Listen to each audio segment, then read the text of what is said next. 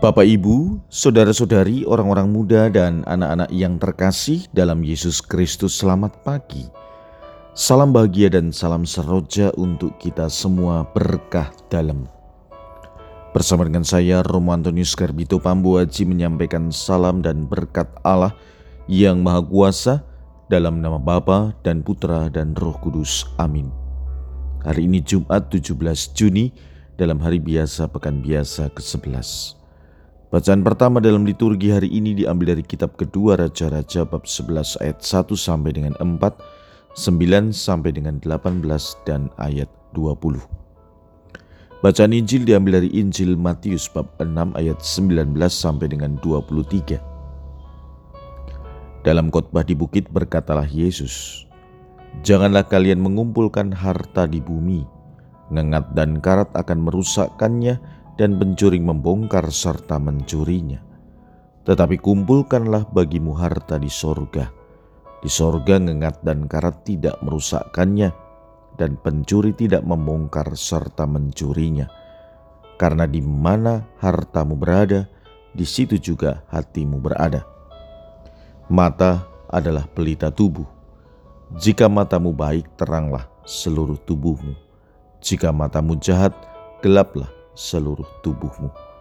Jadi jika terang yang ada padamu gelap, betapa gelapnya kegelapan itu. Demikianlah sabda Tuhan. Terpujilah Kristus. Pesan Yesus kepada kita. Janganlah kalian mengumpulkan harta di bumi, tetapi kumpulkanlah bagimu harta di sorga, karena di mana hartamu berada, di situ juga hatimu berada. Yang kedua, mata adalah pelita tubuh.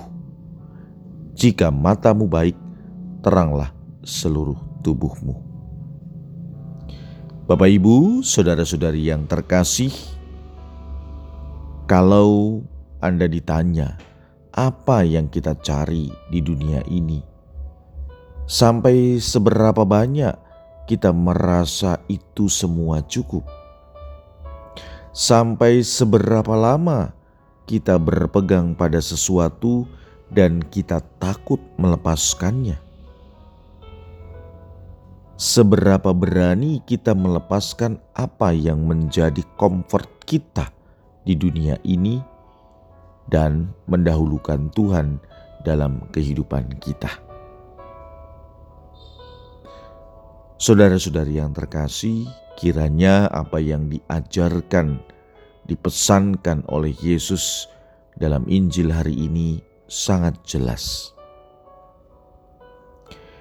Yesus mau kita mempunyai pilihan yang tepat. Yesus ingin agar kita memprioritaskan hidup kita pada Allah.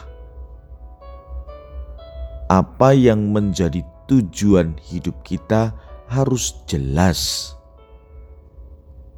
Apa yang kita miliki bukan menjadi tujuan, tetapi hendaknya kita sadari itu semua menjadi sarana bagi kita untuk mencapai tujuan yang sesungguhnya.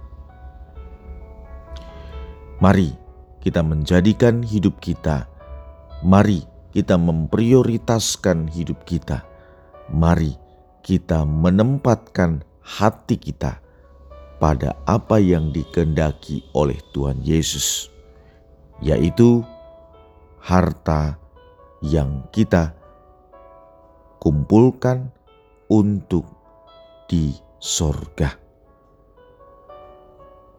Marilah kita berdoa. Tuhan Yesus, ajarkanlah kami untuk berani mengumpulkan harta di sorga, agar kami layak dan boleh mendiami kerajaanmu bersama para kudusmu. Berkat Allah yang Maha Kuasa, dalam nama Bapa dan Putra dan Roh Kudus. Amin.